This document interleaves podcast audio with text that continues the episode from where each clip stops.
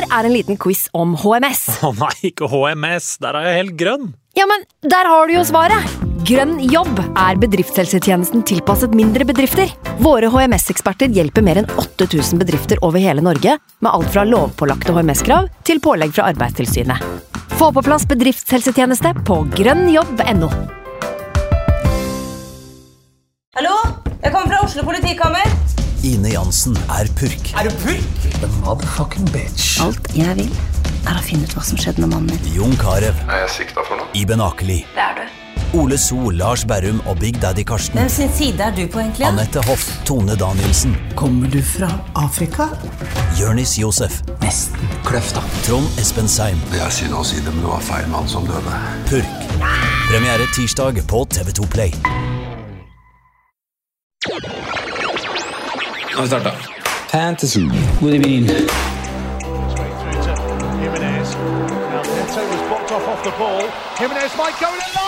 God evening.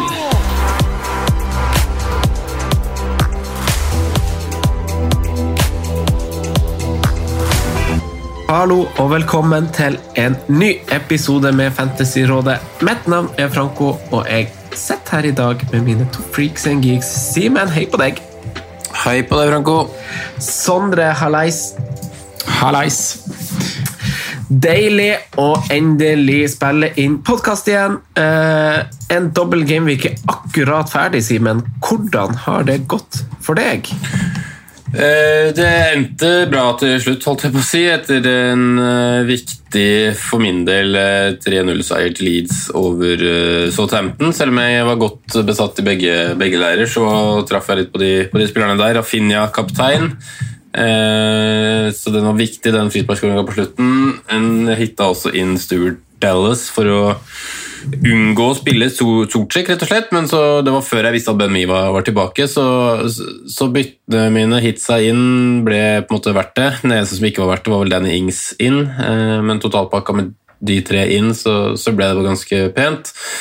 Eh, ellers er det litt sånn jevnt og godt eh, Eller jevnt og godt. Det er eh, to clean sheet i Burnley, det er Bruno og Stirling. Det er en clean sheet på Nei, en assist på Maguire, så ender på 96 minus 8. Må vel si meg relativt fornøyd med 88 poeng, selv om han nok en gang, eller nok en gang, noen ganger føler seg også litt sånn underbetalt, da. Men det ble en bra sum til slutt. Synes Det er jo, det er jo kanon, Simen. Veldig bra spilt. Uh, Ja da, men, eh, men når man ser på tallene til Rafinha og ser de to kampene, så, så, så klart man føler seg litt sånn underbetalt, og at, man, at differansen veldig gjerne skulle vært litt større enn det på en måte fancy poengene var, men, eh, men helt uh, rank, altså Gamic-ranken og poengsummen er bra. Altså. Det, er- det er det absolutt. Sondre, da? Like bra for deg? Eh, nesten. Eh, hvis man tar bort åtte poengene Simen har i hits her, så lander vi ca. likt. vel. Jeg er på, på 79, eh, så det er jo en, er jo en bra, eh, bra poengsum, men det gir ikke store utslagene på på overall-ranken min. Eh, Det gjør ikke det, altså. Eh, Men eh, jeg, gjorde jo ingen bytter. Jeg var jo jålete og, sparte faktisk byttet mitt inn i dobbeltrunden. Satt jo godt der med, med, med tre, tre mann med dobbel. Rafinha, Bamford og Ings. Og hadde jo, jeg hadde jo egentlig en plan om å kjøre benchbus den runden, da. Det skisserte jeg jo litt i forrige episode, men jeg valgte å å stå av det. eh, og det kan man jo si i ettertid at var en god vurdering. Jeg hadde vel bytta ut Kofal og satt på en forsvarsspiller, og det hadde vel kanskje blitt Dallas. Eh, men eh, jeg har to poeng fra Martinez på benken. Foden spilte jo ikke, og det gjorde jo så jeg fikk inn Fikk inn John Stones i elver, så um, nå står jeg med to bytter inn i neste dobbeltrunde og, og ser for meg å bruke benchbusten i den runden. Da. Og da blir det jo, det blir jo i hvert fall 13 mann med, med dobbeltrunde der, og så Rafinha og Bamford i tillegg, sånn det ser ut nå.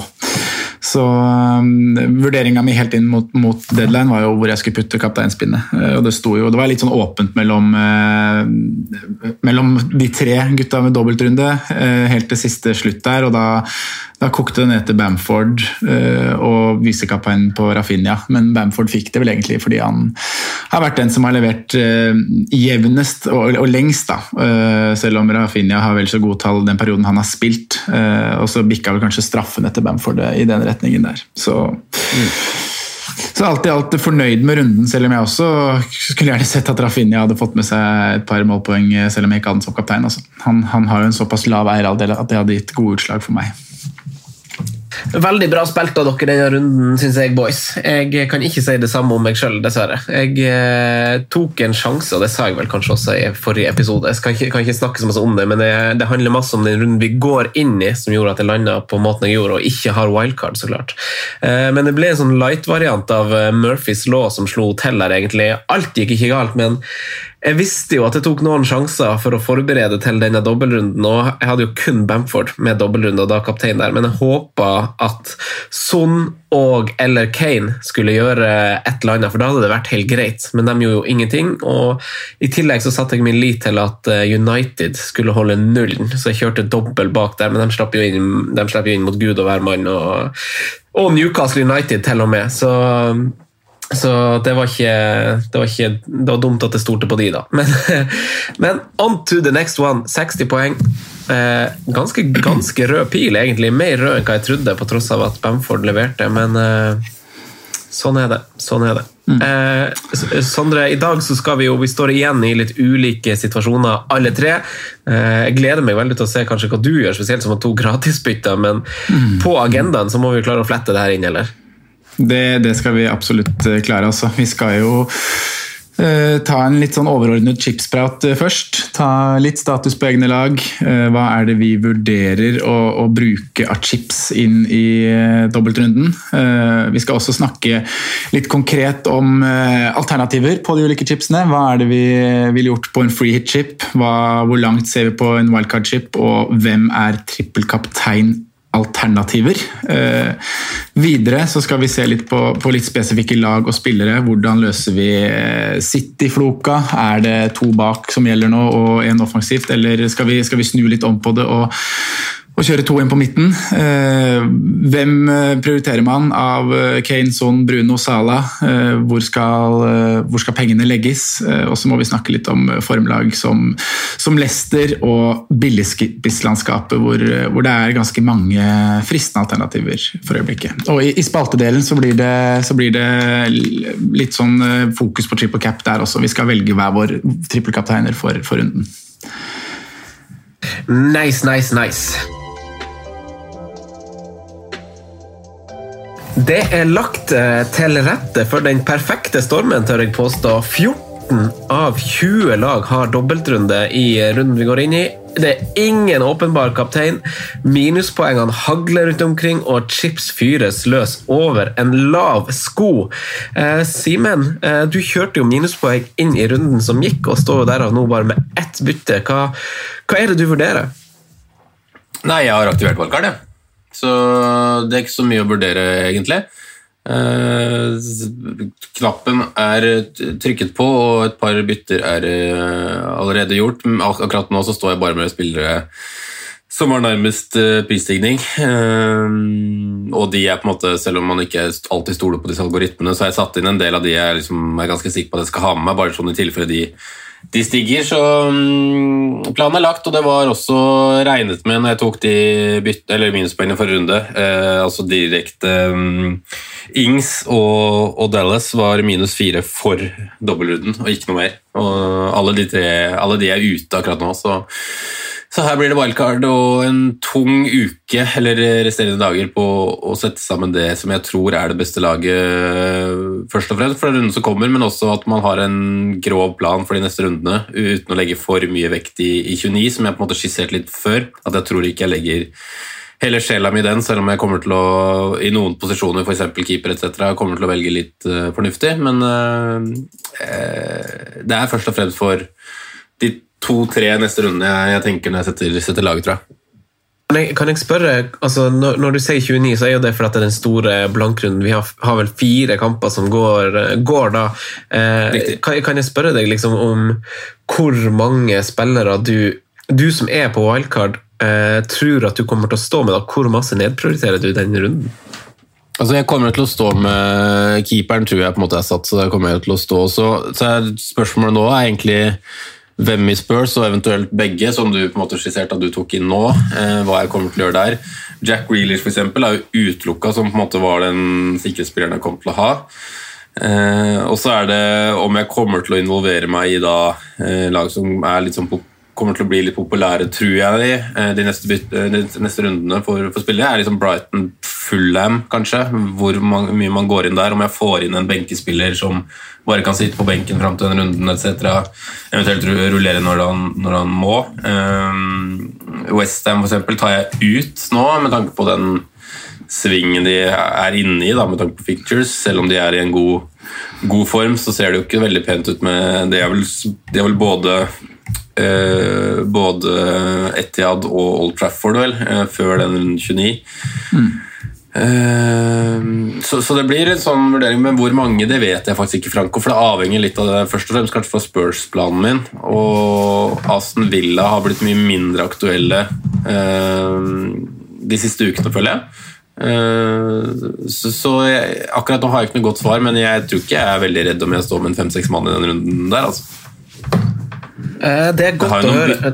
For jeg, jeg føler jeg har... Nei, sorry, Simen. Fortsett. Jeg, jeg, var litt, litt rart. Jeg, har, jeg har litt bytte fram til runden også, så jeg tror jeg heller planlegger å bruke de sammen med kanskje litt benkefyll enn, enn å virkelig prioritere den den uh, eh, 29. Men nå er det sånn, når jeg tar et wildcard nå, så føler jeg at jeg må bruke edgen på å bruke mest mulig av budsjettet på 11 spillere.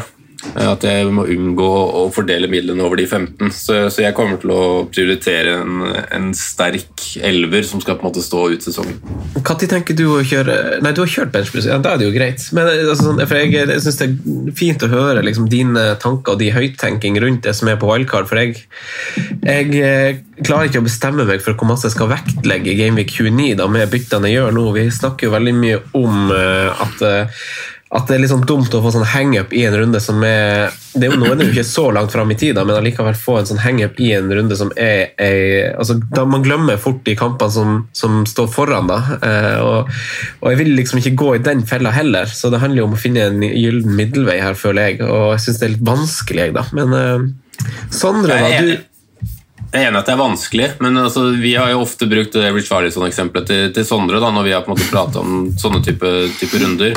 Og det er litt det jeg føler med f.eks. lag som altså Når man ser hvilke lag som spiller i 29, da, ok, Full er på en liten oppsving, men man stoler ikke liksom helt på de. Leeds stoler man på at kommer til å skåre mål, men det er ikke så mye mer enn det man heller, heller stoler på. Brighton blir man jo aldri klok på. Uh, så, og Westham, som jeg nevnte, har et veldig tøft program fram til det. så jeg så man sitter i en posisjon hvor man må liksom stole på lag man ikke har lyst til å stole på, da, hvis man legger veldig mye vekt på, på 29. Sondre, da, få høre hva du skal gjøre med dine to free transfers. og Hva er, hva er tanken bak det?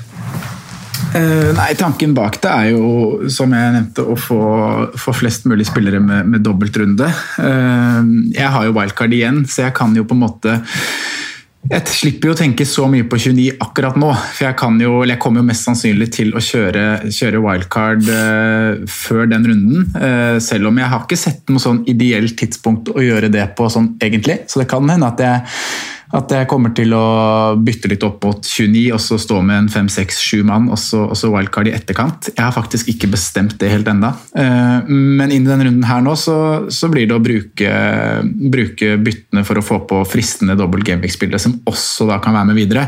Eh, og i og med at jeg ikke har bestemt meg helt for når wildcardet skal aktiveres, betyr det at jeg ikke kommer til å, kommer ikke til å bytte ut eh, Rafinha og Bamford f.eks. For eksempel, fordi de blir jo da fine å ha med seg også inn mot 29. hvis jeg velger å holde på det wildcardet. Um, men ja, så, så jeg, jeg, har jo noen som jeg vet kommer til å bytte ut. Jeg kommer til å bytte ut Danny Ings, jeg kommer til å bytte ut Kofal. Uh, jeg har bytta ut Antonio allerede, uh, så jeg kommer, kommer, nok til å ta minst minus fire. Har også kikka på en minus åtte-variant, men alt avgjører, avhenger av om jeg skal ha med Harry Kane eller ikke. Så jeg har gjort et spissbytte uten, uten å sette inn Harry Kane, da. Jeg skjønner. Jeg skjønner. Jeg syns jo um, jeg synes jo det er en veldig sånn fin, eh, fin, fin, løsning, du egentlig, liksom, uten å legge noe mer i det. synes jeg jo det er en fin sånn, sånn som den dobbel gameweeken har utvikla seg til å bli eh, på mm. papiret, eh, så, så, tror jeg jo veldig mange står med et ganske greit utgangspunkt. Eh, ved unntak av noen få, da, så tror jeg ganske mange står med et ganske greit utgangspunkt uansett. Og hvis man da klarer liksom å, å ri av den, den, stormen som er nå, og da spare wildcardet til etter etter Game Week 29. Vi ser også på en ganske sånn stor fixture swing da, med, med lag som har fine program opp mot, men som, som det snur litt for etter Game Week 29. Så hvis man klarer å holde på, på det wildcardet fram til da og, og stille et bra lag nå og kjøre en annen chip, så tror jeg jo det er en veldig, veldig eh, god løsning, egentlig. Eh, men ellers så, så, vil jeg absolutt slå et slag for, eh, for benchboost. Det er jo den største dobbeltrunden vi får når som sagt 14 lag har en dobbel gameweek. Det sier seg selv at det er, det er, mye å hente, og jeg synes ganske mange lag har egentlig ganske fine kamper også. Ja, ja, det er tidenes største, bench, største benchboost òg. Nei, altså dobbel gameweek, game mener jeg. Og det er, sånn, det er, ikke sånn, at For meg så er ikke benchboosten optimal. Jeg hadde jo fått en mer optimal benchboost med wildcard runden i forkant. og preppe sånn sett, Men den har, på en måte, den har kommet litt eh, av seg selv for meg. da. Eh, etter vi fikk de bekreftelsene etter fristen til 25, så, så, så, så landa på en måte at ja, men da blir det benchboost i 26, da, basert på det laget jeg står med nå. Eh, nå har jeg 11 dobbeltspillere, så da med to-tre bytter til så, jeg, så, har jeg bra med dobbeltspillere, og Leeds har en helt, helt fair kamp og, og benchbooste Rafinha Bamfordi hvis det er de som havner på benken. Så, så, så, har jeg jo en trippel Burnley, og man kan liksom si at det er ikke ideelt å benchbooste de mot, mot, Tottenham og mot Leicester, men igjen så er Burnley et lag som plutselig kan få med seg clean shit mot, mot, Tottenham eller mot Leicester. Så jeg føler at det er, eh, det er helt, helt uh, greit å gjøre. Om vi ikke snakker litt eh, altså jeg, eh, jeg, er jo mest nærliggende å fyre av en eh, triple captain, men det, det, jeg ikke blir klok på, er jo at det er så mange alternativer å velge blant. Altså, for, altså, hvis man bare hadde sett på, på, kampene, så tenker jeg jo at Harry Kane er jo det som, som, de fleste går til. Og jeg ser jo at han er den som leder diverse poller òg, bare som kaptein. Møter jo Burnley hjemme og Fullham borte. Burnley var jo dødssvak mot eh, teammann West Bromwich i helga, men eh, har jo likevel bare sluppet inn to mål de siste fire kampene. Og Det, det, det er riktignok noen ganske svake lag. Tre av dem det er heimekamper mot West Bromwich, Fulham og Brighton. Og så borte mot Palace uten Saha, så det er kanskje ikke så masse, masse skryt man skal, skal, vise til Burnley for at de har to clinches i den rekka der. Fulham på sin side har jo bare sluppet inn ett mål. Han Simen nevner jo at de er på en liten oppsving, og det er de jo. Eh, og De har hatt litt tøffere kamper med bl.a. Westham og Everton inni der. Og, eh, så, så det er ikke sånn det er ikke sånn dødsfine kamper hvis man ser på eh, den resultatrekka på kort sikt eh, for, for, eh, for Tottenham. Men det er jo formen som skremmer meg mest. da. Tre poeng på de siste seks. Det er jo Mourinho sitt svakeste run som manager noensinne. Son ser sliten ut. Eh, vi var kanskje heldige, da, både med tanke på United og Tottenham, da, at, eh, at de hadde så gode resultat i forrige uke i Europa. Eh, så de, jeg tror jo United og Tottenham kommer til å hvile de spillerne vi frykter at kommer til å, til å, til å skulle måtte spille. Men jeg tror de kommer til å hvile. da. Det hadde vært dumt hvis ikke.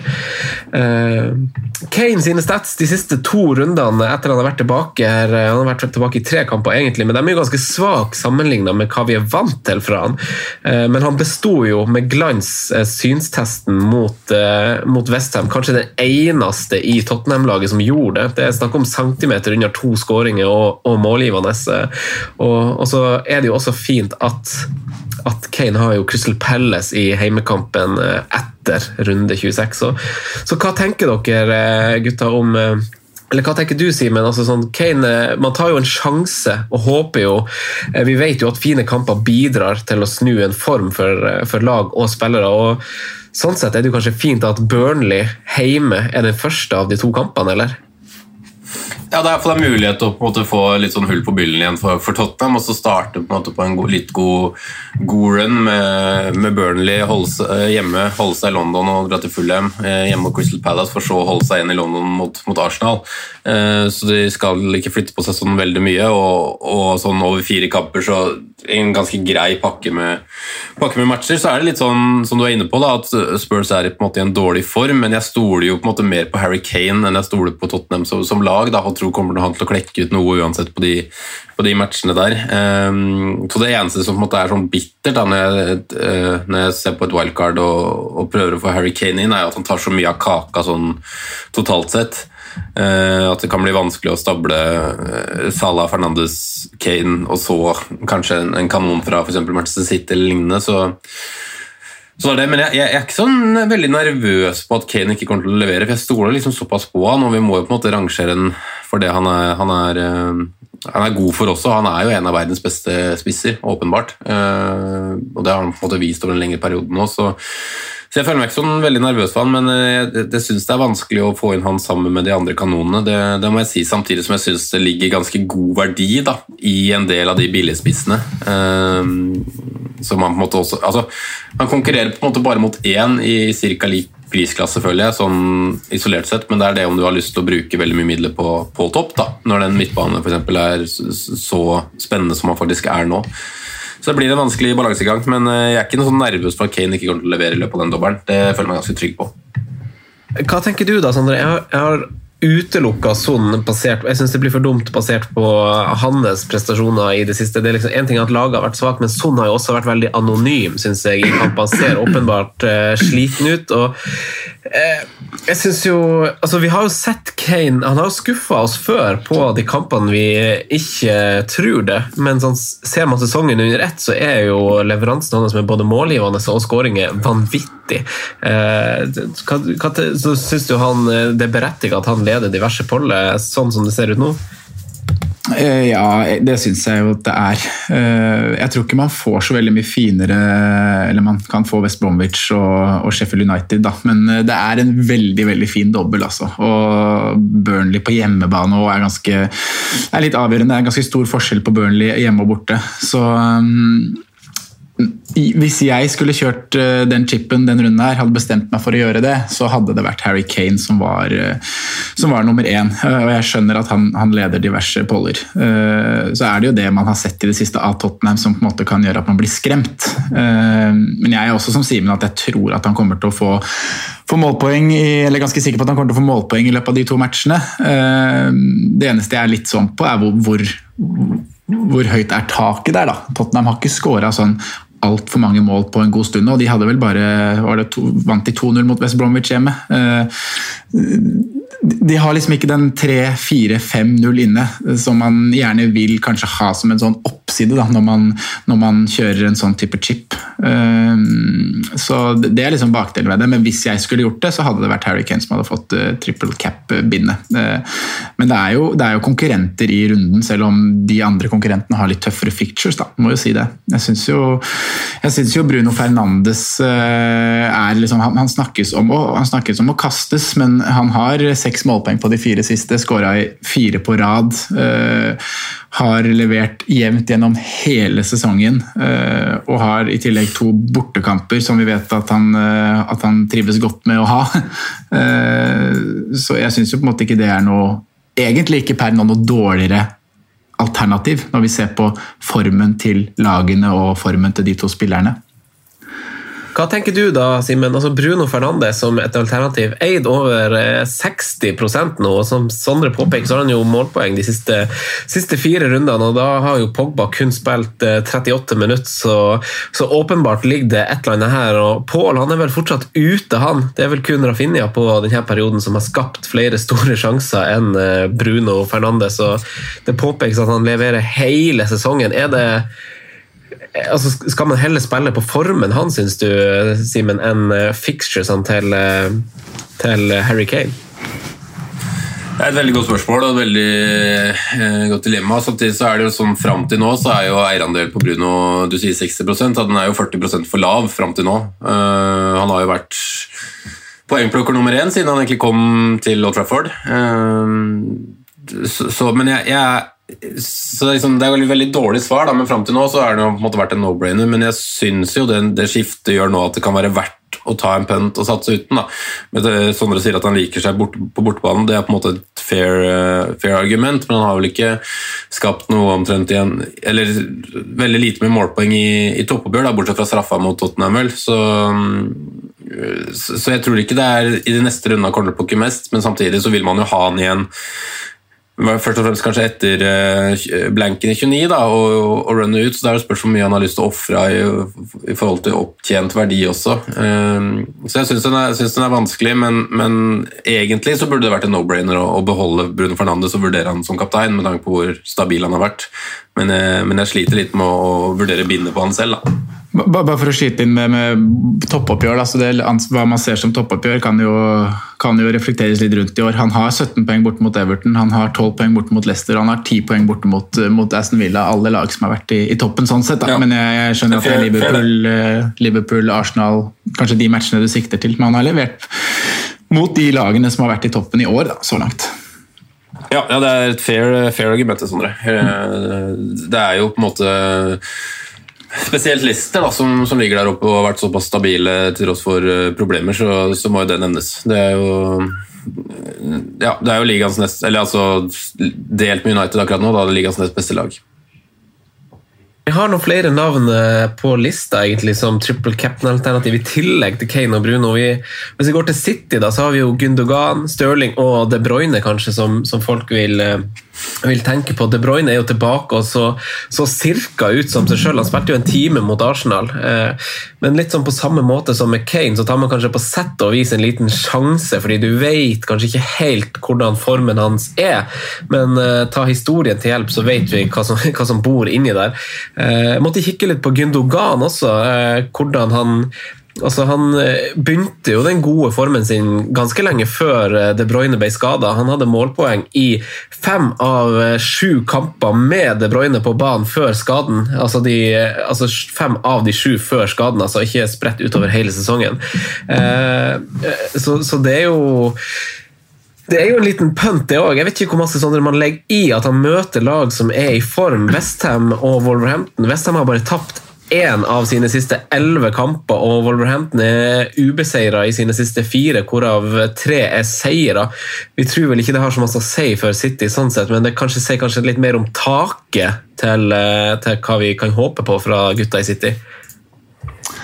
Jeg veit ikke om jeg syns det sier noe om taket heller. For jeg, jeg, City kan, kan, smadre alle lag. Uh, så jeg tenker egentlig ikke så mye på fictures og motstand uh, når det kommer til City nå. Uh, det jeg mer liksom, eller ville tenkt mer på da, hvis jeg hadde skulle vurdert å kapteine eller Triple-kapteinen noen fra City er jo kampprogrammet de går inn i, med, med en veldig viktig match i dag mot München Gladbach onsdag. Eh, så er det Westham lørdag, Wolverhampton kommer allerede tirsdag, og så er det da Manchester Derby på søndag før det er Southampton på, på onsdag. Så det er veldig hardt kjør med, med ganske viktige matcher, da, spesielt den Gladbach og Manchester United. Det er jo, det er jo sånn avgjørende kamper. Eh, Gladbach for å få et godt utgangspunkt for returoppgjør, og Manchester United for å kanskje bare sette spikeren i kista da, når det kommer til ligatittelkamp, selv om Leicester fortsatt er der òg. Eh, så det er heller det kampprogrammet og rotasjonen vi vet kommer til å komme, som gjør at jeg er litt eh, litt mer usikker på om, eh, på om jeg ville triple cappa Gundogan, Kevin De Bruyne, uh, Raheem Sterling. Og med De Bruyne så handler det også om kampformen. Da. Nå starta han jo sist, så det sier jo på en måte at han er klar, men vi har jo ikke sett det, det helt 100 enda. Så, så, noen usikkerhetsmoment også der. Så, så, det, så, det, gjør at jeg vurderer både Spurs egentlig og kanskje Bruno Fernandes til foran. Da. Simen, da? Hva tenker du om, eh, om City? Eh, jeg syns Sondre har noen veldig gode poenger her. fordi Det man på en måte må se på her, er jo, er jo eh, kampprogrammet. Og det er jo et kampprogram som er duket for pepperlett til de grader. Så det er vanskelig å Det er kanskje vanskeligere enn noen gang da, å for det første vite hva som er Manchester Citys toppa elver, hvis man skal si det på den måte, og hva man på en måte prioriterer. Jeg ville jo, Hvis jeg hadde vært i, i Peps posisjon nå, så ville jeg jo prioritert kampen mot uh, München Gladbach nå klart høyest, med tanke på at serien er i, i prinsippet avgjort.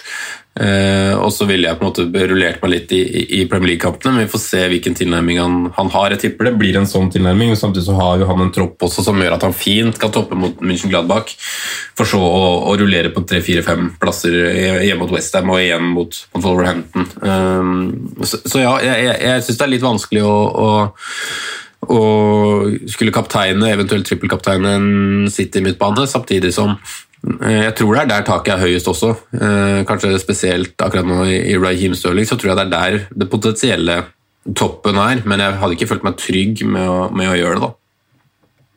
Jeg stiller meg egentlig bak den uh, gutta bass. Uh, jeg har to alternativ til på blokka, og det er jo uh, Vardy og Dominic Calvert-Lewin. Hvis vi skal ta sistnevnte mm. først, så har jo han kanskje de fineste kampene. Southampton som virkelig er nede i dritten. ja, De tapte jo 9-0 igjen for ikke så lenge siden, men de har sluppet inn 19 mål på de siste seks. og De kunne, altså, de kunne ha tapt den 9-0-kampen 3-0 og ville fortsatt ha vært laget som hadde sluppet inn mest mål på den perioden. Og, og det er jo kun Pelles som har flere store sjanser mot seg i denne perioden. Det sier for så vidt også ganske masse om hvor dårlig form Pelle er Men, eh, men eh, Dominic Helvert-Lewin, da, Sondre.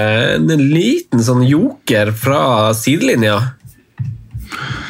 Ja, det får han jo, jo, si. Eh, jeg syns han, han, er fin, jeg. Jeg sitter og vurderer om han skal bytte sin, bytte sin selv. og og kampene som du sier da, med, med Southampton i fritt fall eh, hjemme er veldig bra. West Bromwich jo, må vi jo egentlig bare skryte enda mer av. Jeg syns det var veldig veldig bra det. De leverte med, med ti mann da, i nesten en, eh, over en hel omgang vel, mot, mot Burnley. er jo nærmest å ta med seg ta med seg tre poeng der. Så jeg tror ikke den West Bromwich blir så lett, men igjen så, så, er Everton et lag som eh, Eller de har egentlig vært litt sånn eh, Vi har jo en, eh, en felles bekjent som er Everton-supporter, Aksel Pedersen, og sier at de er litt sånn, litt sånn Robin Hood. Men de, de taper jo ofte mot taper jo ofte mot litt dårligere motstand. Så vi får se hvordan det blir da mot West Bromwich. Men jeg syns det er en veldig veldig frekk joker, da, hvis du skal gjøre noe helt annerledes enn det en massene gjør. Så, så jeg er egentlig sånn grønt lys på den, jeg. Eh, Simen, hvis du har noen velvalgte ord om eh, Dominic Calvert-Lewin, så må du gjerne gjøre det. Men Vardi vet jeg jo at du er en fan av. Eh, to 90-minutter under beltet nå etter eh, operasjon. Han har På de to kampene så har han fire store sjanser. Det er fire spillere som har fem. og Det er Gundogan, det er Sondre sin Diagne, det er Stirling og det er Sala. Ingen har flere skudd enn Jamie Vardy i boks på disse to kampene.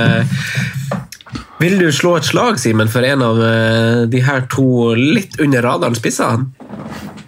Jeg altså, også vil, veldig egentlig slått et slag for begge. sånn sett. Jeg syns begge er veldig fine valg eh, opp mot runden. De har fine fictures fram til 29 eh, og kan være såkalt placeholdere før man kanskje kaster inn noe som, som spiller 29 også. Så jeg liker de, liker de veldig godt isolert for den runden her. Og så er det det Jeg syns jo Aksel treffer ganske godt med, med. Jeg syns det er et sånn lag som som uh, kanskje er litt mer stabile nå enn de, enn de, har vært på en god stund, men samtidig et lag som fort vekk kan plutselig finne på å tape den Southampton-kampen. Uh, uten at man må legge altfor mye, mye i det. Uh, men det er et lag som er litt vanskelig å lese, lese seg på. og men har jo en voldsom boost da, etter, fire, etter uh, seier på holdt jeg på å si 4-1, etter 2-0 på, på, Anfield. Ta med seg det inn i, et, inn i et, fint kampprogram, så tror jeg Everton kommer til å gå på en fin, fin run nå ja, og være i en god posisjon når vi skal avslutte, avslutte serien. Så er det jo Jamie Vardy også, som er vel, om jeg ikke tar feil, den spilleren som har uh, eh, skåra flest mål i Premier League siden Brennan Rogers kom tilbake. Så det er utvilsomt at den kombinasjonen der funker, da, med, med Brenton i Leicester, som stoler virkelig på, på frontmannen sin. Han spiller jo så å si alt også, så lenge han er, han er eh, skadefri. Og det er jo veldig viktig også nå inn i en sånn, sånn type runde å ha en spiller som som man er ganske trygg på for 180 minutter. Det er for så vidt også på Dominic Calvert-Lewin. Selv om han starta på benken på, på Anfield, så tror jeg det er spillere som man kan lene seg tilbake på og være ganske trygge på. Uh, og det føler jeg liksom er viktig, da, uh, i hvert fall hvis man skal ha kapteine de, uh, versus de vi allerede var inne på litt tidligere da, med Manchester City-spillerne, som, som, jeg kan føle kan få alt fra, fra 60 til 180 minutter da, i løpet av en dobbel. Jeg syns vi resonnerer fint gjennom både oppside og nedside av, av, bruk av triple captain, egentlig. Jeg synes vi, vi, dekker det fint, og vi vil jo veldig gjerne at man, når man kjører triple captain i en dobbeltrunde, så er Altså, på side 1 og 2 i Triple Captain-håndboka så står det at uh, han skal spille, starte begge kampene, ikke være rotasjonsrisk, føler jeg. Så, så det, det, er vel uh, Jeg syns vi slår gode slag for de riktige karene her, og viser skepsis til de riktige karene. Mens vi beveger oss over til uh, benchboost-territorium og Sondre Golden Midtgarn-territorium, så har det jo av empiristiske grunnlag egentlig vært flere gode billigspillere som gjør at en benchboost er veldig grei å kjøre i år, og denne runden Sondre, er jo intet unntak med med, med, med, tanke på hvor mange kamper som spilles, så, så vil jo jeg slå et slag for at uh, benchboost er en, et godt chipvalg. Men uh, hvem, uh, hvem, ser man til? Som du sier, Det er nok av muligheter fordi det er mange som spiller dobbeltrunde her. Da. Men de beste liksom, billigspillerne for runden, hvis man bare skal prioritere å bytte inn noe nå, jeg har skrevet ned noen navn på det. og, og jobben, liksom, Mange har sikkert planlagt det her med wildcard forrige og har og har, uh, har satt, uh, satt, laget sitt da. Men hvis man nå liksom skal bytte inn, sånn som jeg, da jeg skal bytte inn en forsvarsspiller for Kofal, jeg skal få på en uh, som da kommer til å være benkespiller, jeg skal få på en, en spiss kanskje, som er i billiglandskapet. og jeg er jo, som det kanskje skinner litt igjennom her, jeg er positiv til West Bromwich da, og har snakka om både Diagne og Maitland Niles. Diagne blir jo på en måte ikke noen benkespiller, for han vil, vil nok bli spilt i den runden her uansett. Men Maitland Niles er jo en, er jo en, en en billig vei inn i eh, et, et forsvar med, med, to greie matcher, og han spiller også en veldig offensiv posisjon i, i Burnley. Så jeg jeg vil, eh, vil, dra fram han. Uh, hvis man skulle hatt inn en keeper, hvis man liksom, bare skal bytte inn på en keeper med dobbeltrunde, stå med Martinez og skal ha på en til, så syns jeg, jeg Areola er den jeg, den jeg ville gått til. Uh, jeg har jo selv Pope, men prioriterer å ikke gjøre noe bytte der. Men, men jeg syns jo matchene til, uh, til, Areola kan bli clean shit i match nummer én mot Palace borte, og kan bli mye redninger mot mot uh, Tottenham. og Plutselig så drar de med seg en, en clean sheet der. og Som Simen var inne på i stad, de har bedre, bedre tall nå Fulham enn hva de De hadde en god periode fram til covid-utbrudd, så litt ned igjen. og nå, nå, kan det virke som de er litt på vei opp igjen. da. Så um, ville jeg sett til uh, Areola i mål. I tillegg så syns jeg Luckman kan være en en, en, differensial man skal, hvis man skal ha med seg en femte midtbanespiller som, som ligger i sjiktet rundt fem millioner. Da. Uh, jeg har tidligere, eh, og mange har sikkert gjort det samme, sett til eh, å bytte på litt eh, villa, hvis ikke man, hvis ikke man har vært fylt kvota si derfra. Jeg har sett Matt Target, Target, blitt litt mer skeptisk nå de siste rundene. Det har jo med, har jo med skadene som har, som har, kommet der på Matty Cash og Jack Grealish, og også litt det vi har sett av, av form. Da. Nå ble de veldig kjørt mot, mot Leicester Leicester, syns jeg. Eh, Martinez har også noen dårlige involveringer der som gjør at eh, det kommer noe baklengs. Så på papiret så har jo Villa en veldig fin, eh, fin dobbel. De møter, eh, de møter, Sheffield United og de møter eh, Husker jeg ikke på siste, siste laget der, ja. Leeds. Leeds er det de har, ja. Leeds. Så sånn på papiret så ville man jo kanskje tenkt at en dobling bak der var, var, fint, men jeg har valgt å gå litt bort fra den tanken. Og ser heller faktisk da til West Bromwich, som har, som har Brighton og Everton, altså. Men ja, i tillegg så skal jeg benchbooste eh, tre Burnley-spillere eh, og syns jo på en måte det er helt greit. Så, så lenge man Konklusjonen min er vel egentlig bare benchboost det som er dobbeltspillere. Da er du på en måte innafor. Da, da, får du Spiller de begge matchene, så har du, har du dobla poeng på de uansett. Simen, eh, har, har, du noen gode jokere? Jeg synes jo det, det, det, er bra at Sondre nevner det han gjør om Aston Villa. for var, De har jo så fin kamp på papiret. De har kamp i 29, de har to fine kamper etter 26. Eh, et lag som egentlig var på alles leppe. Men hvis man, hvis man tar de lagene, du som er på wildcard, Simen, så er det jo så, så er jo det er vel Aston Villa, Fulham og Tottenham som er de eneste tre lagene som har dobbel nå og kamp i 29, om jeg ikke tar helt feil. Så det er et veldig, sånn, det er et veldig naturlig lag å, å ha i, eh, i, boksen for vurdering, Simen. Eh, mm. ser, ser, du, hvordan billigspillere ser du til i de lagene, og føler du at man må fylle kvoter med, med noen av de som helst? Eh, det er litt spørsmål hvordan, eh, hvordan setup man går. Jeg har sett på litt ulike varianter i forhold til wildcard. Da, å få elleve spillere så går det an å gå eh, typ to-tre neighborer og få plass til mange kanoner. og Det går an å fordele på en måte midla litt sånn mer jevnt, jevnt og trutt. Men jeg er, jeg er, som Sondre. Jeg er veldig eh, veldig positiv til West Bromwich sin, sin dobbel. og Hvis man skal, skal, på en måte se på en optimal benchboost, så tror jeg ja, nå kan jo, nå synes jeg Sondre sier det for så vidt riktig, da, at Diagne hadde kanskje ikke blitt den man hadde boosta, men hvis man hadde fått hatt en elver nå og skulle bare bytta inn en eller to, så ville jeg jo sett eh, egentlig til tre mann i, i West Bromwich, en i hvert ledd i Midtland Niles. I Pereira, som også var bra nå mot Burnley, og de Diagne.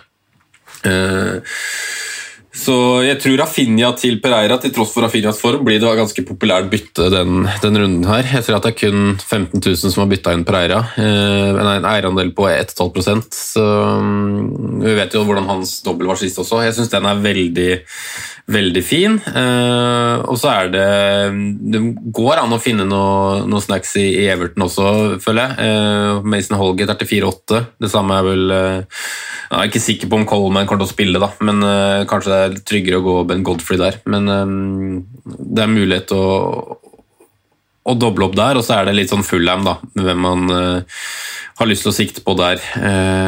det går jo an f.eks. Um, plukke en forsvarer der, da, og, og, Andersen er vel kanskje den som er sikrest i, i, det laget der. og hadde vel her en uh, runde, en assis også, jeg husker ikke hvilken match det var. men... Uh, det var, det var, det var jo noen langpasninger til uh, på nedtaket av Luckman, var det ikke det? Var det ikke han som hadde den? Jo, det stemmer vel. Mm. og Luckman for så vidt er også alt, et alternativ. selv om Ja, så, så det, er, det, er, mulighet overalt, men sånn som Sondre sier, så er det jo det, det er 14, 14 lag da, som har, som har dobbelt, så det skal godt gjøres å ikke finne spillere som, som, på en måte er mulig å, å, doble på. Og så er det vel litt bare øh, hvor trygg man er på at de kommer til å spille, og eventuelt en oppside, men det er litt sånn man må gamble på. Man må på en måte bare ta en sjanse. Øh, og, og, og, at de får en return i løpet av de to kampene, så er det også mulig å benchbooste spillere med enkeltkamp også. Det, det, er fint mulig. For, og da er det kanskje det beste eksempelet er vel kanskje da spillere i form som Rafinha slash Bamford, som har hjemme mot Aston Villa, men fint kan spilles. Det er jo eh, Luckman nevnes, men hva tenker dere om eh, Josh eh, Maja, som, som jo har Han har jo ikke spilt fulle 90 minutter, men hvis man ser på hans eh, expected goals uten å inkludere straffer, så er den veldig høyt oppe. Den er, den er der oppe med Stirling. Eh, Diagne er jo et hestehode foran eh, Sondre, your man, men, men han koster fem og en halv, Josh Maja. Det, det frigjør jo litt midler til å leke seg i litt andre posisjoner. Er det et alternativ som, som en billigspiss for å For, å, for, for eksempel, Simen skulle ønske seg Harry Kane i tillegg, da, så står det på 0,5 fem. Kan man gå for uh, Josh Maja da? Ja, man, man, kan jo det. Uh, og da er det jo prisen som betales der, da, som er veldig fin. og uh, Man kan spre budsjettet andre plasser, men igjen så Fullham kommer jo ikke til å skåre så altfor mye mål, tror jeg, i den dobbeltrunden. Så man kan ikke forvente å få med seg så mye. De har generelt skåret lite mål i år. og og, ja, så, så jeg, jeg, er ikke sånn heltent på den når du får, eh, når du får Diagne da, til, eh, til 0,5 eh, mer. Så, For de har skåret mye mer? West, West Bromwich har skåret masse mer? Ja, de har vel egentlig det, har de ikke det? De skårer generelt mye mer mål enn hva Fulheim gjør West Bromwich. Jeg vet at du prøvde å ta meg på noe der, men jeg tror nok West Bromwich skårer litt mer mål enn Fulheim. Altså. De har mer, mer, offensiv kvalitet i laget sitt, syns jeg også, enn hva, hva Fulheim har. I Pereira og Maitland Niles. Så jeg, jeg, jeg, Josh Maya er fin, han altså, men uh, jeg fristes ikke sånn super, og da er jo kampene tatt med i betraktningen her, altså når de møter, når de møter Spurs, blant annet. Mm. Men uh, Simen, fortsett. Jeg syns du treffer godt der, Sondre. At, uh, eller Jeg er ikke overbevist om at West Brom er på en måte bedre offensivt, men de har mye klarere typer jeg ville stort på, eller ville valgt å gått for, da, sånn uh, FBL-messig. Med at Pereira og Diagne skiller seg såpass ut i, i Fulham, så føler jeg like så godt at det er en forsvarer som kan snike med seg en scoring, og så er det litt mer sånn tilfeldig, føler jeg, hvem som, hvem som treffer det. Plutselig har Cavaleiro sett frisk ut et par kamper uten at det har blitt sånn veldig mye målpoeng, men så er det han, og så Luckman er vel nesten den som har plukka mest målpoeng hvis du ser totalt over sesongen, og han har vel bare sju. Så, så jeg ville mye mer stort på Diagne da, enn f.eks. Josh Maya. Men, men Fulham skårer faktisk mer mål enn West Bromwich. Jeg nå. Fulham har skåra 21, West, ja, Bromwich. Ja, West mm. Bromwich har bare skåra 19. Men uh, det ser vel Men jeg ville fortsatt hatt Pereira og Diagnev over de gutta i Fulham? Ja, jeg ville også det, altså. Men det er vel bare litt basert på det man har sett de siste fire rundene, da. Jeg tror jeg, ville ha sagt, eh, jeg ville ha sagt Lukman Diagne. Egentlig. Eh, Ja. hvis, jeg skal komme med en personlig preferanse. Og jeg synes jo, Det handler jo litt om prisen til Luckman, og sånn, men det er jo som, som dere er inne på, ja, han har liksom de målinvolveringene han har, men jeg syns jo han er involvert i så masse av det som skjer for Fulham. da, og jeg synes jo, synes jo målene han har nå på den assisten som du henviste til, Simen, er jo, det er jo helt rå scoring også. Så det er masse selvtillit, og det er en gutt som kan få til ganske masse, syns jeg. Så jeg syns, eh, jeg syns han er et bra Men, men altså sånn, vi snakker jo litt ned Fulham og vise skepsis til de med rette, selv om de er på, på en oppsving. Så, så da må det være lov å spørre seg om det er riktig å investere så hardt i, i Tottenham, Villa og Fulham, som jo er som sagt de eneste tre lagene som har kamp i 29 og dobbel nå. Eh, det er ingen som slipper til flere skudd eh, i boks enn en, Eller jo, for så vidt, det er bare Crystal Palace igjen eh, som slipper til flere skudd i boks de siste fire. Eh, Aston Villa på nummer to. Dårlig, dårlig statistikk der. Og Sondre, du drar opp skadene. Eh, Tottenham består ikke synsundersøkelsen. Fattig poengplunks poengplukk. Eh, Er det her eh, årsaker egentlig bare liksom til at man dropper å tenke så masse på, på 29, på eventuelt et wildcard, eller bytter man gjør nå fordi at eh, lagene gjør på en måte ikke eh, valgene så gode, da? Eh, ja, det, det er vel kanskje det. Jeg, jeg synes Det enkleste laget å egentlig ha med seg gjennom perioden er jo Leeds. Uh, men det som er dritt med Leeds igjen, da, hvis du er på wildcard nå, er at de ikke har dobbeltrunde i 26. Så jeg skjønner jo at det er en veldig vanskelig for deg, vurdering for deg, Simen, som er på et, er på et wildcard. Uh, men for meg som sitter fortsatt med wildcardet, så syns jeg det er veldig man får tid til å se nærmere den 29-runden, for som du sier, Franco, så er det ikke så veldig mange av de man vil ha med nå, som frister. Det er ikke det. Nei, og så er det litt sånn vurderinga også, da, hvis vi bare går litt tilbake til eksempel bare Fulham versus eh, West Brom, da, bare for å få fram det- et, et, et eksempel her, så er det jo fordelen med Fulham er jo på en måte sånn, sånn at de har match i 29. Uh, ulempen er jo kampen imellom dobbelen og 29, at det ikke kan brukes i noen, med mindre man tror eh, eller jo, for så vidt, nå, nå ser det ut som alle lag skal ta poeng på, Anfield, altså den ser ut som en borteseier den også, men, men teoretisk så er liksom 27 og 28 så eh, vond for Fulham da, at man må på en måte ha råd til å benke de, som i mitt tilfelle ikke hadde, hadde gått, mens, eh, mens West Brom har vel eh, tre hjemmekamper på rad nå, inkludert av Newcastle i 27, og så en helt grei bortekamp mot Crystal Palace. Jeg vil, vil ikke si at de er favoritter der heller, men da den største nedsiden at de ikke har kamp i, i 29, da, så da må man på en måte veie litt opp hva som er verdt for en, da, hvordan laget totalt sett blir eh, blir med de forutsetningene av hvilke lag man velger. og Da må man kanskje bruke bitte litt tid da, på enten å skrible ned, tegne litt hvordan lagene vil bli de neste rundene med tiltenkte bytter, eventuelt kjøre opp et regneark hvor man bare får se det for seg. Hvordan står jeg i 29? Er det verdt å ha en spiller som kanskje ikke får så, øh, får så for mye bruk for i 27 og 28, men jeg må ha en spiller i 29? altså Man må veie litt hva man verdsetter her. da. Uh, Og Da syns jeg bare de to lagene hadde et sånn fint sammenligningsgrunnlag med at de står helt ulikt etter dobbelen. da.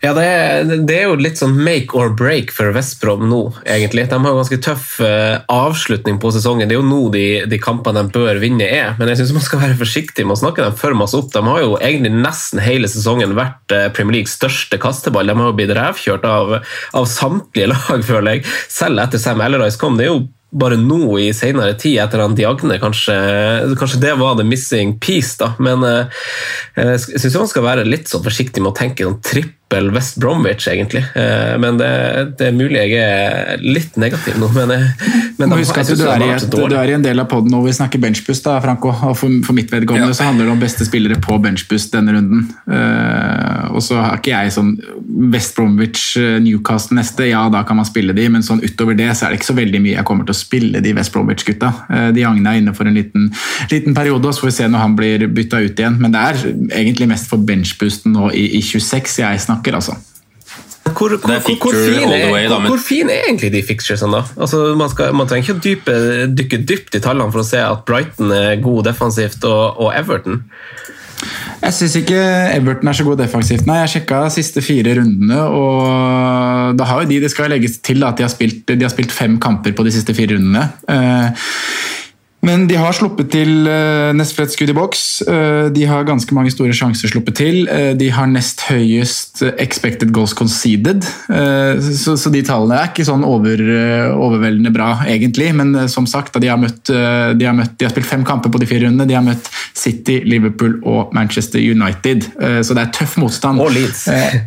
Ja, og Leeds òg. Så jeg, jeg sjekka det egentlig i forbindelse med at jeg skulle lage wildcard-lag her, da, og, og Digne en av de jeg vurderer. Uh, så jeg sier ikke at det er, det er, dårlig stelt bakover i Everton, altså, men tallene de slipper til sjanser. Uh, og i motsatt ende så er West Bromwich positive tall, så, så jeg syns den, den, er litt sånn åpen. Og, og, Brighton de blir jeg enda ikke klok på, selv om de har en XG på, på 10 sikkert nå mot Palace og blir rana på høylys dag, så, så, så, føler jeg alt kan skje i den kampen òg. Og som du sier, så har, så har, så har West Bromwich kniven skikkelig på, på strupen her, da, og de må vinne. Jeg tror fortsatt de kommer til å rykke soleklart ned, for de lagene som ligger rett over streken kommer til å ha nok poeng, men jeg tror West Bromwich også kommer til å ta med seg en del trepoengere i løpet av de neste seks-sju rundene, eller kampene. Mm.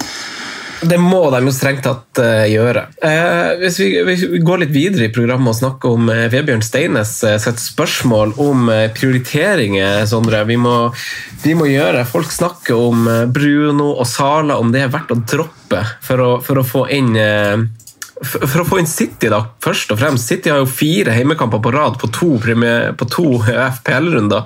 Eh, så har de fire heimekamper. og Hvordan, eh, hvordan føler dere eh, altså, Simen, hvordan føler du er den rette løsninga på, på den floka? En gang til. Nå fikk jeg ikke hva du spurte om. City som har fire heimekamper på de to neste rundene. Man vil jo ja, sånn, ha tre City-spillere. Er det verdt å, å drepe droppe, drepe Bruno eller Sala eh, for å få inn eh, De Bruyne eller Stirling? Eller eh, hvordan løser man det?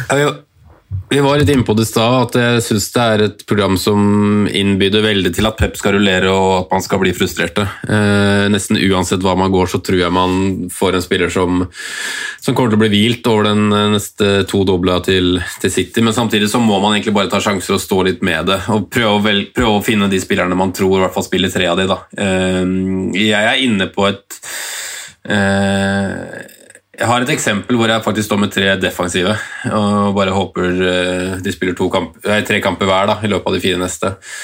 Eh, og droppe den offensive, fordi jeg ikke er helt sikker på Kevin De Bruyne enda, om jeg skal, om jeg skal gå der. Stirling er jeg usikker på om jeg tør. Jeg frykter at det fort bare blir to kamper over de neste fire, med tanke på at han kommer mest sannsynlig til å spille mot uh, München Gladbach i, i kveld. Uh, så ja, jeg syns den er veldig vanskelig, og jeg syns også det er veldig vanskelig å si ja til, til kast av enten Sala eller Bruno, selv om jeg på en måte har vært litt inne på begge deler. Så syns jeg det er vanskelig å på en måte tørre å stå fram og si at jeg vil gjøre det. da. Uh, men uh, ja, jeg, jeg, jeg, sliter med å finne et godt svar her, rett og slett, Franco, fordi at uh, jeg er så usikker på Manchester City, hva de kommer med og de fire neste kampene. Jeg, det, jeg føler meg tryggest på Ruben Diaz, John Stones Cancelo, egentlig. Hva tenker du da, Sondre? Altså, altså jeg, jeg, vurderer jo tett altså, jeg vurderer jo en av disse tingene. og vi kan vel se oss litt heldig med at eh, City fikk en dobbel i neste runde. For det gjør vel fort at eh, Sala, som kanskje var et kapteinsalternativ før den runden, ikke er det allikevel.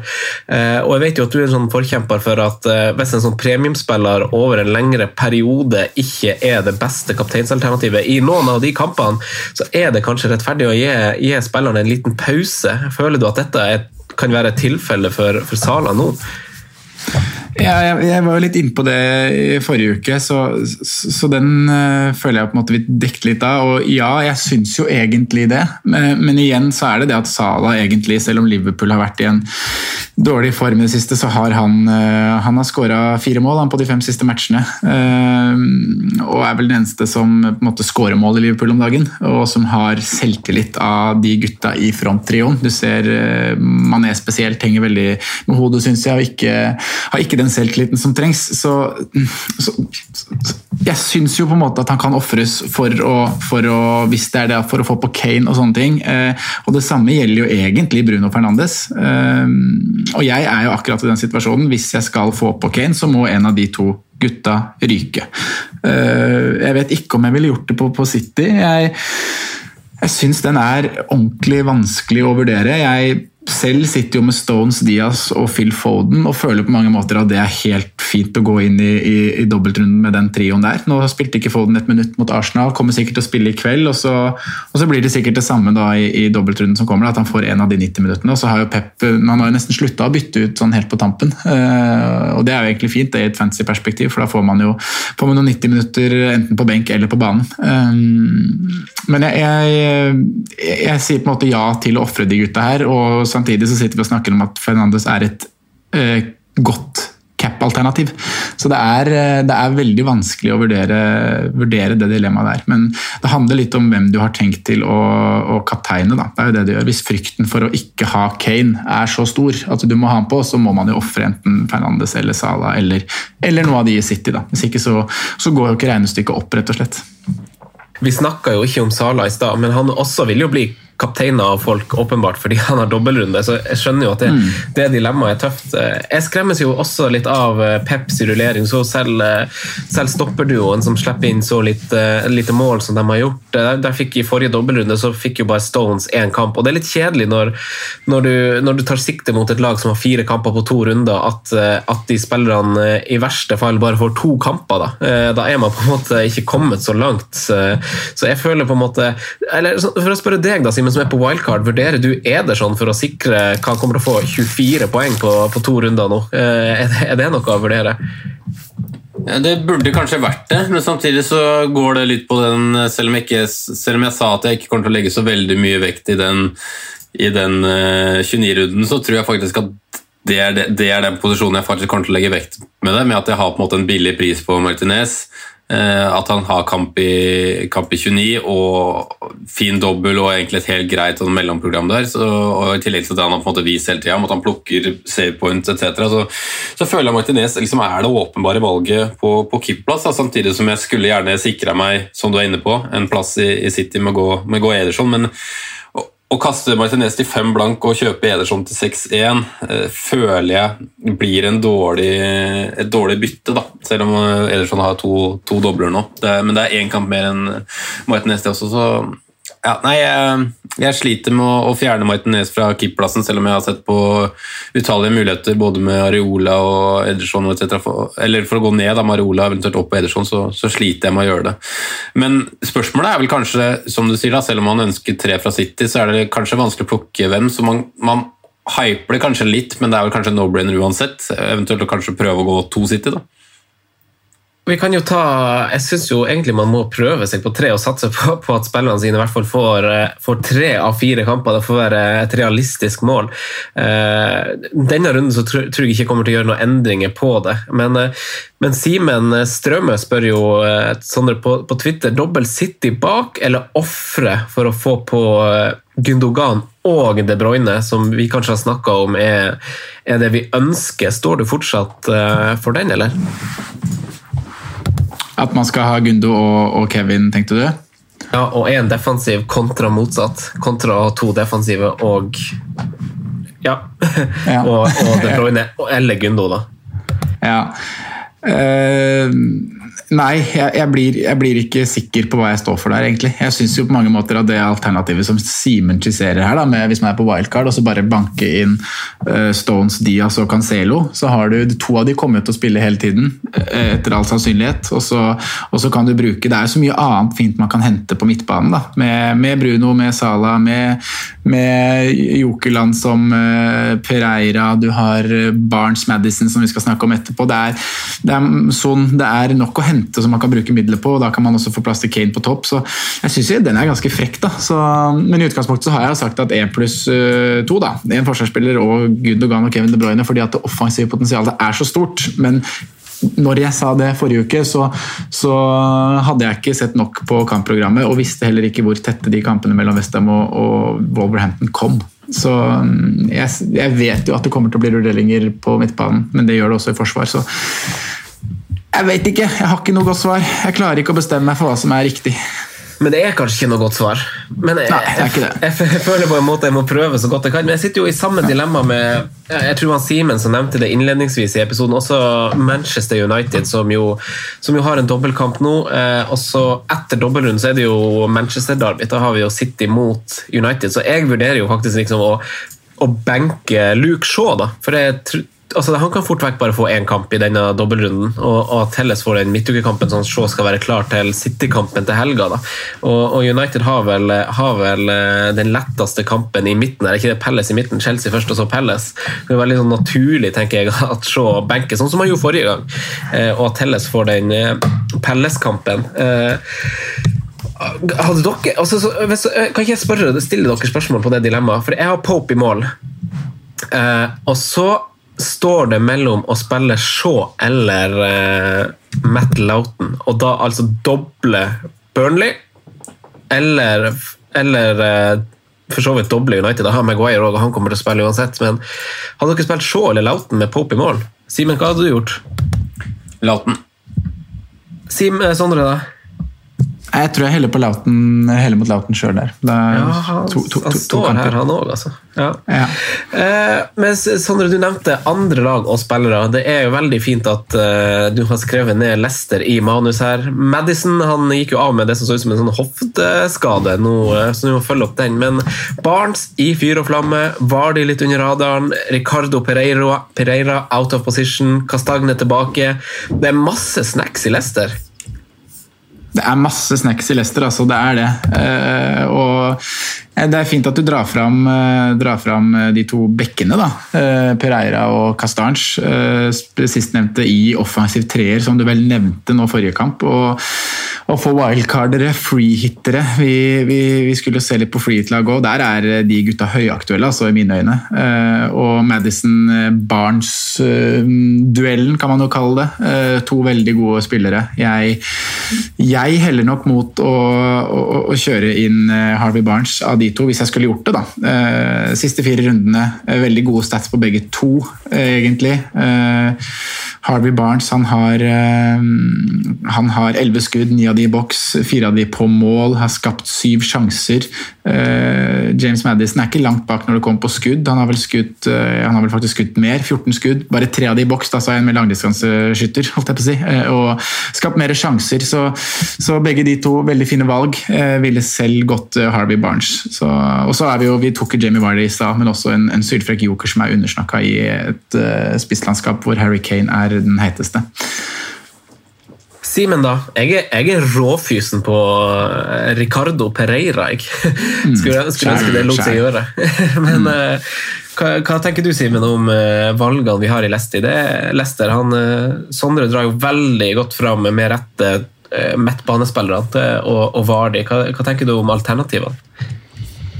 Nei, jeg syns Dere drar jo opp alle de aktuelle med en jevn duell på midten. Uh, jeg har nok Madison hakk over så lenge han er uh, Så lenge vi får tegnet at han er klar, da, men eh, det vet vi jo ikke sånn vi står, sånn vi står nå. Var Vardy som det helt klart mest sexy offensivt, men også veldig interessert i å få inn eh, Ricardo Pereira til, eh, til den her. Eh, Så får, vi, så får vi se hvordan, hva man ender på. Akkurat nå så står jeg kun med, med en, eh, en fra Leicester, men eh, det er flere som, som vurderes inn til dobbelen. Altså. Det det. Men jeg, klarer ikke helt å ta sånt standpunkt heller, fordi Pereira blir utelukka hvis jeg går den skisserte med tre City bak. Da får jeg ikke plass til han. Da blir fort det mer aktuelt med en, enten en Barnes eller en Vardy foran. Eh, Så har vel også Barnes en veldig fint run nå. Det er vel to kamper på rad med pluss én. Så mm, han virker å være i veldig god form. Og så er det en poengplukker, da, først og fremst, Harry Harvey Barnes. Så jeg er veldig frista av eh, flere der. Kan, kan jeg ta, kan jeg ta litt av mine dilemmaer høyt med dere, gutter? For jeg har jo, som sagt, det er, det er alt avhengig av om jeg skal gå Harry Kane eller ikke. da. Og Harry Kane for meg, det betyr, det betyr minus åtte, og det betyr Bruno Fernandes ut. Eh, men jeg kan, hvis jeg dropper Harry Kane, så kan jeg få et veldig fint lag med å bare ta en minus fire. Eh, sette på Calvert Lewin for Danny Ings, sette på Ricardo Pereira for Kofal. Eh, og det er jeg akkurat i null på nå. Det hørtes ut som en veldig bra bytte. Men Da. står står Eller jeg, to bra bytter. står jeg uten Kane. Jeg har, jeg har som sagt da to spillere som ikke har dobbel, og det er Rafinha og Bamford. Resten av gjengen min har, har dobbeltrunde. Altså. Så kan jeg jo røpe, da. Jeg har jo selvfølgelig satt på de agene for Antonio allerede. mistenkte det. Jeg syns, Ja. jeg syns etter, etter å ha prata med dere på podkasten nå, så har jeg egentlig blitt litt snakka bort fra Bruno Fernandes ut. Eh, Høy eierandel, han vil være en populær kaptein, og kanskje spesielt for minuspoeng, egentlig. Men Ja. hvem, hvem kapteiner du hvis du ikke får inn Kane, tenker du? For da er det Bruno Fernandes, eller? Da er det Bruno Fernandes, eller så, så er det jo Dominic Calvert-Lewin som er der. Digne? Nei, Diagne, mener. Diagne er der, Phil Foden er der, Mohammed Salah er der. Det er jo alternativer. Son er jo fortsatt i laget, selv om han har vi vel snakka oss veldig ut fra kapteinen på den her. Men alternativene er jo der. Men jeg mangler jo selvfølgelig den som er mest populær, da. Å, shit, det var vanskelig. Jeg tror, jeg tror ikke jeg hadde fått meg til å gjøre Det betyr jo ikke at det er riktig, men jeg tror ikke jeg hadde fått meg til å kjøre Bruno Fernandes ut som en del av en minus åtte for Kane, altså. For da, for da, altså, altså, da forventer du egentlig en ganske altså Jeg tipper jo Bruno Fernandes han kommer jo til å få return på minst én av to kamper. Det er jo veldig reelt å tro det. Og, og vi snakka jo selv om at kanskje taket til Kane ikke er skyhøyt. Så for å rettferdiggjøre de minuspoengene, så skal Kane som kaptein levere veldig, veldig bra, tror jeg. Mm, det sier seg kanskje selv, det her, ja. Men igjen da, så har man lyst til å sitte med Kane i det som kommer etterpå. da. Men da kan jeg jo gjøre Det er sant. Eh, Men jeg har jo sett på, jeg, som sagt så har jeg ikke bestemt meg for når wildcardet mitt skal komme, og det kan jo komme i runde 27. Og Legge om på hele, hele City-strukturen der inn i den dobbeltrunden. Uh, ta på de, de tre man tror kommer til å spille mest da, og også få på, få på Harry Kane, da, som da har også en veldig fin kamp mot Palace.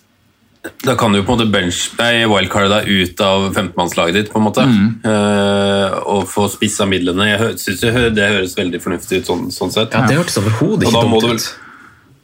Nei, og da må du legge litt opp til at de hitsa som du eventuelt tar nå også, blir bare for én runde, Sondre, men det, det skjønner du også. Uh, men uh, jeg syns det høres ut som en ganske fin sånn tentativ plan. Altså. Mm, får ikke Maitland Niles, da. Blir Pereira i stedet. Det er seigt da ikke få Maitland Niles. Da, da skjønner jeg at du må vurdere annerledes. Ja, det er det jeg må. Men hvis, hvis, hvis, hvis Dominic Helvert-Lewin og Everton har skåret i alle de kampene som du dro oss gjennom i stad, Sondre, som de jo har gjort, så skårer de nok Ja. mot uh, Maitland Niles og Ajayi også, tror jeg. Ja, det gjør vel det. Men eh, jeg, sy syns planen din hørtes fin ut, Sondre. Wildcard i 27. For da får du på en måte også altså sånn, du, det, Da får du to bytter inn i 29 for å eventuelt liksom skal ha spillere da. Du får på Kane og rik- det du føler på det tidspunktet er riktig løsning med City. og du får, Denne dobbelen er på en måte unnagjort. Eh, Så du klarer på en måte å, å få et veldig godt lag for Week 27, og du klarer også å stable på beina et veldig godt lag til 29, tror jeg.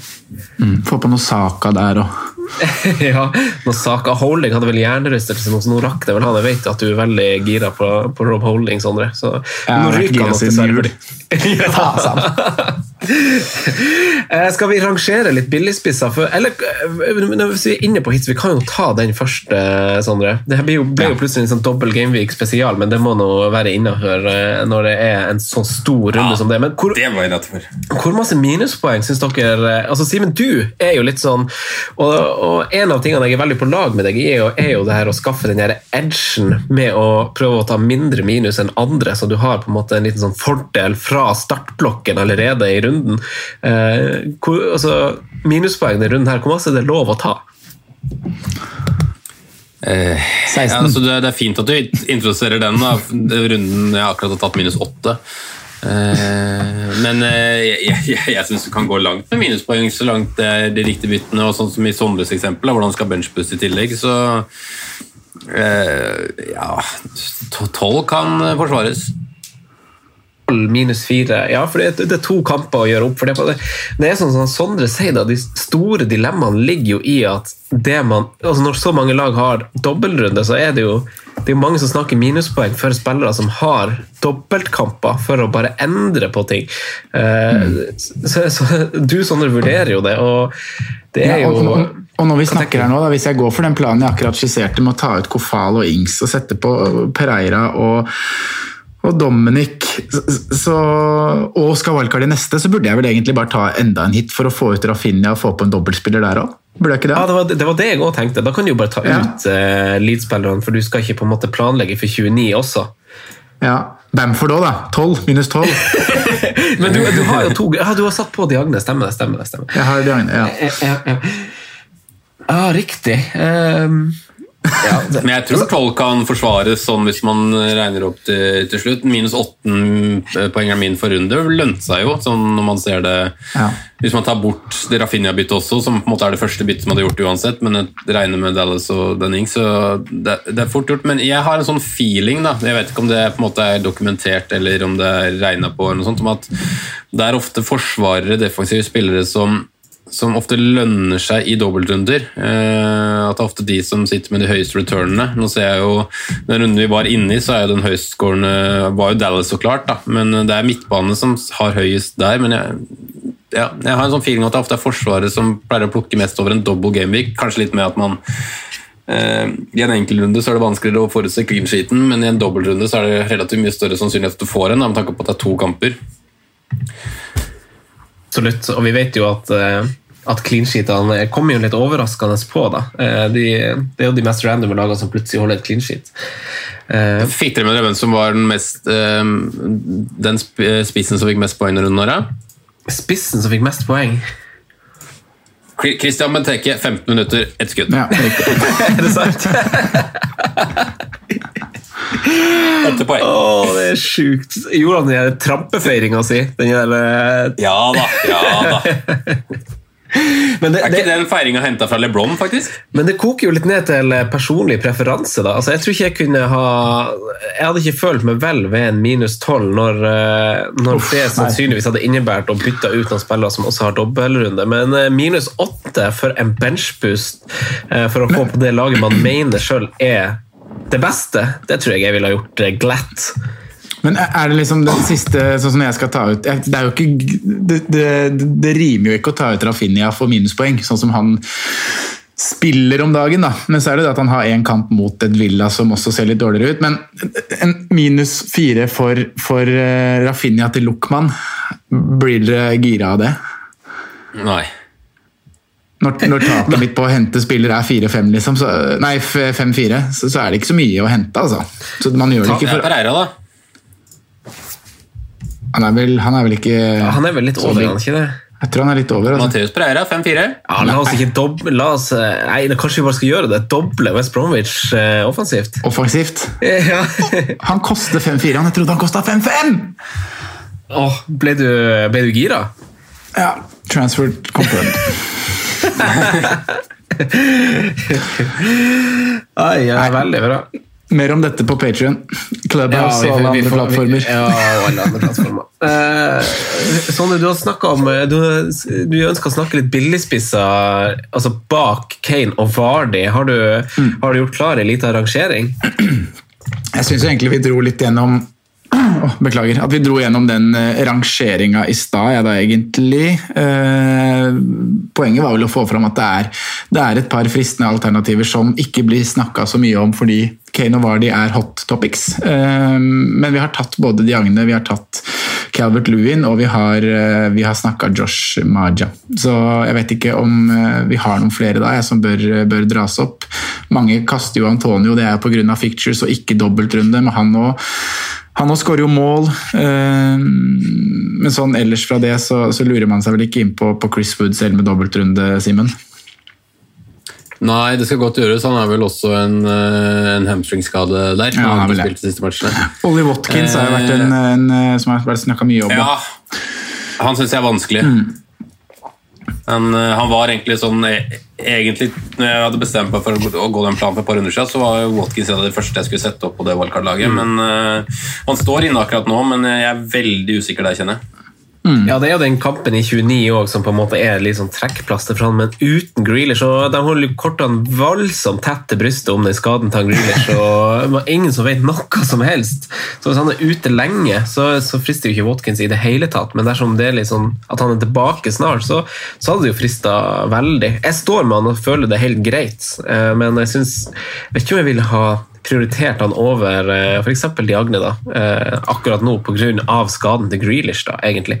Men eh, Villa er jo et bedre lag.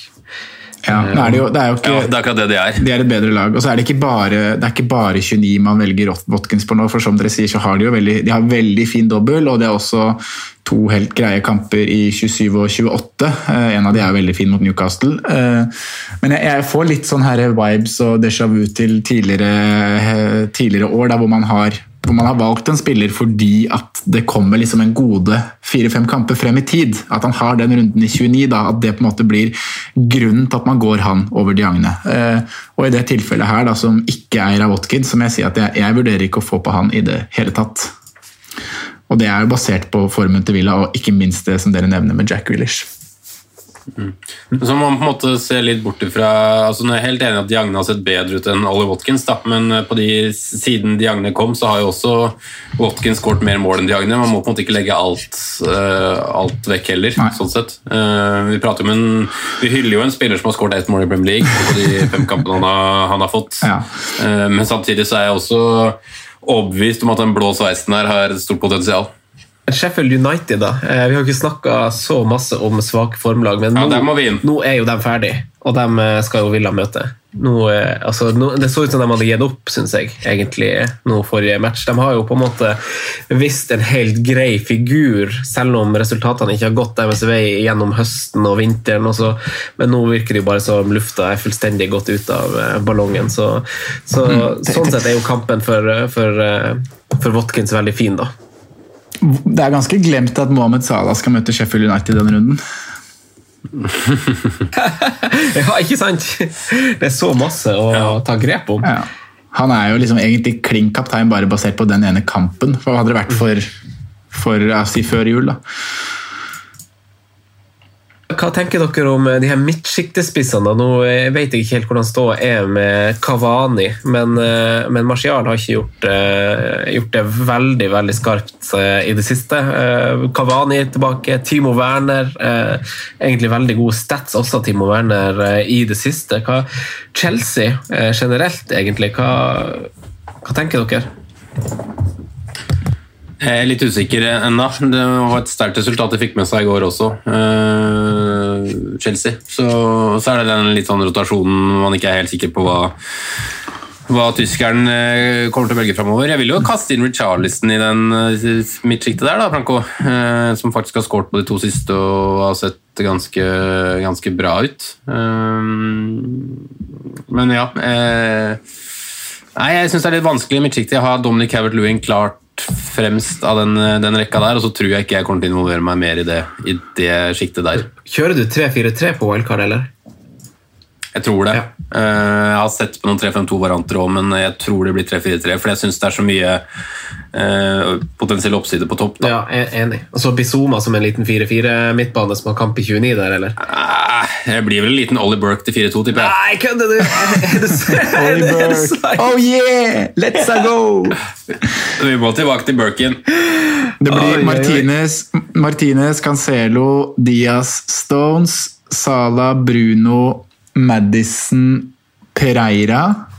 Kane var det i Diagne. Ja Det er der, da. Det er wildcard, det, Simon. Får nå se på det. Men, men jeg har, vi var inne på det billigsjiktet på midten. Da. Jeg har faktisk, Siden det ikke er så aktuelt å fylle opp Liverpool-kvota, så har jeg sett på Curtis Jones til 4-4. Eh, som jeg føler er en som har litt mer målpoeng i seg enn det han har, uh, har vist til nå. Eh, men jeg tror det blir for å få minst mulig Eller mest Altså, jeg kommer jo til å Antageligvis den nei, midtbanespilleren jeg velger som femte midtbane, er den jeg kommer til å plassere ytterst på benken. Med at jeg vil ha med en forsvar eller to, kanskje, som tolvte mann, som kan dyttes inn. Så det er sånn jeg på en måte har tenkt. Men er ikke Bizuma da, hvis du har 4-4 å strekke til, så er ikke Bizuma da et naturlig valg? For da har du i hvert fall en ekstra spiller i 29. Da får du jo to, da får du jo to poeng der, i hvert fall. Han tenk, Ja, tenker ikke på det- 29 da, vet du.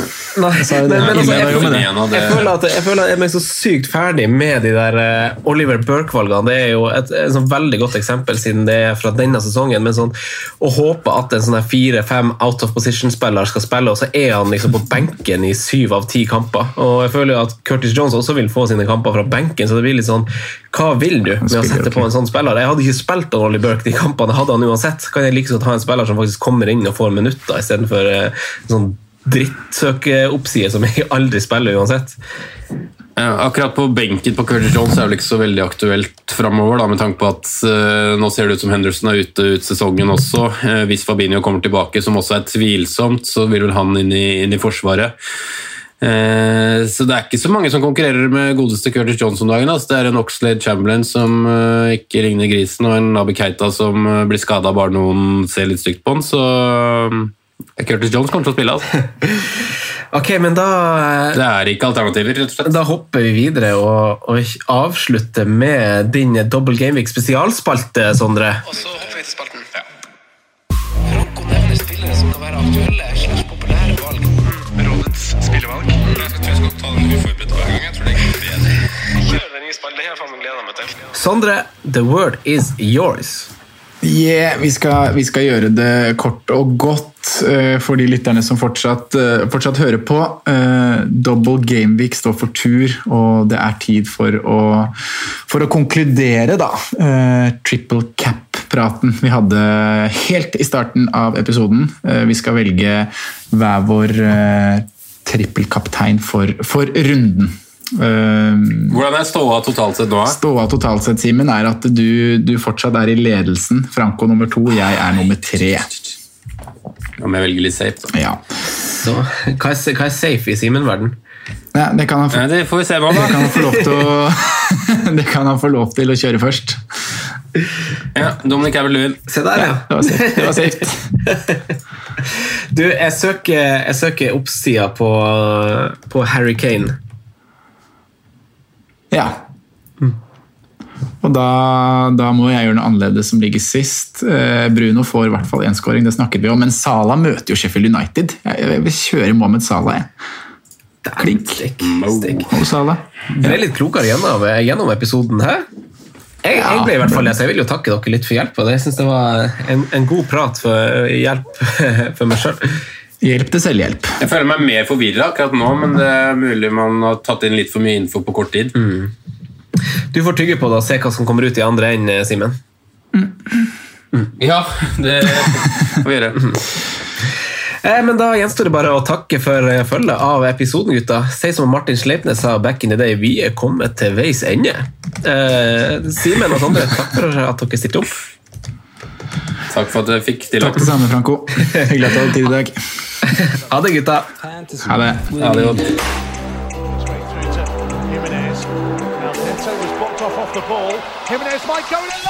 Good evening.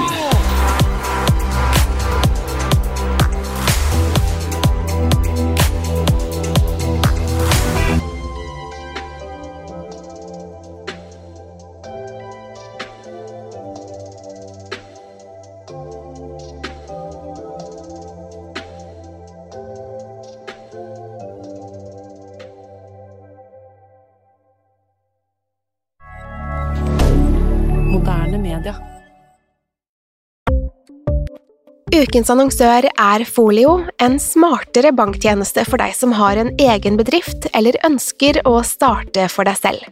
Folio er en superenkel nettbank for bedrifter. Som kunde i Folio får du en bedriftskonto med et bedriftskort og app. I denne appen er det smarte løsninger som forenkler regnskapet ditt, uansett om du har en liten bedrift eller et enkeltpersonsforetak. Folio er både intuitivt og brukervennlig, og er laget med et enkelt språk. I tillegg tilbyr de forutsigbare priser og ingen skjulte gebyrer. Skulle du likevel trenge det, så kan du snakke med deres raske og hyggelige kundeservice, og der får du prate med en faktisk person og ikke en chatbot. Folio er med andre ord både enklere og koseligere enn banken. Over 10 000 bedrifter har allerede valgt Folio som sin banktjeneste, så besøk folio.no og se hvordan Folio kan forenkle din hverdag også. Har du et enkeltpersonforetak eller en liten bedrift? Da er du sikkert lei av å høre meg snakke om hvor enkelt det er med kvitteringer og bilag i fiken, så vi eh, gir oss her, vi. Fordi vi liker enkelt. Fiken superenkelt regnskap.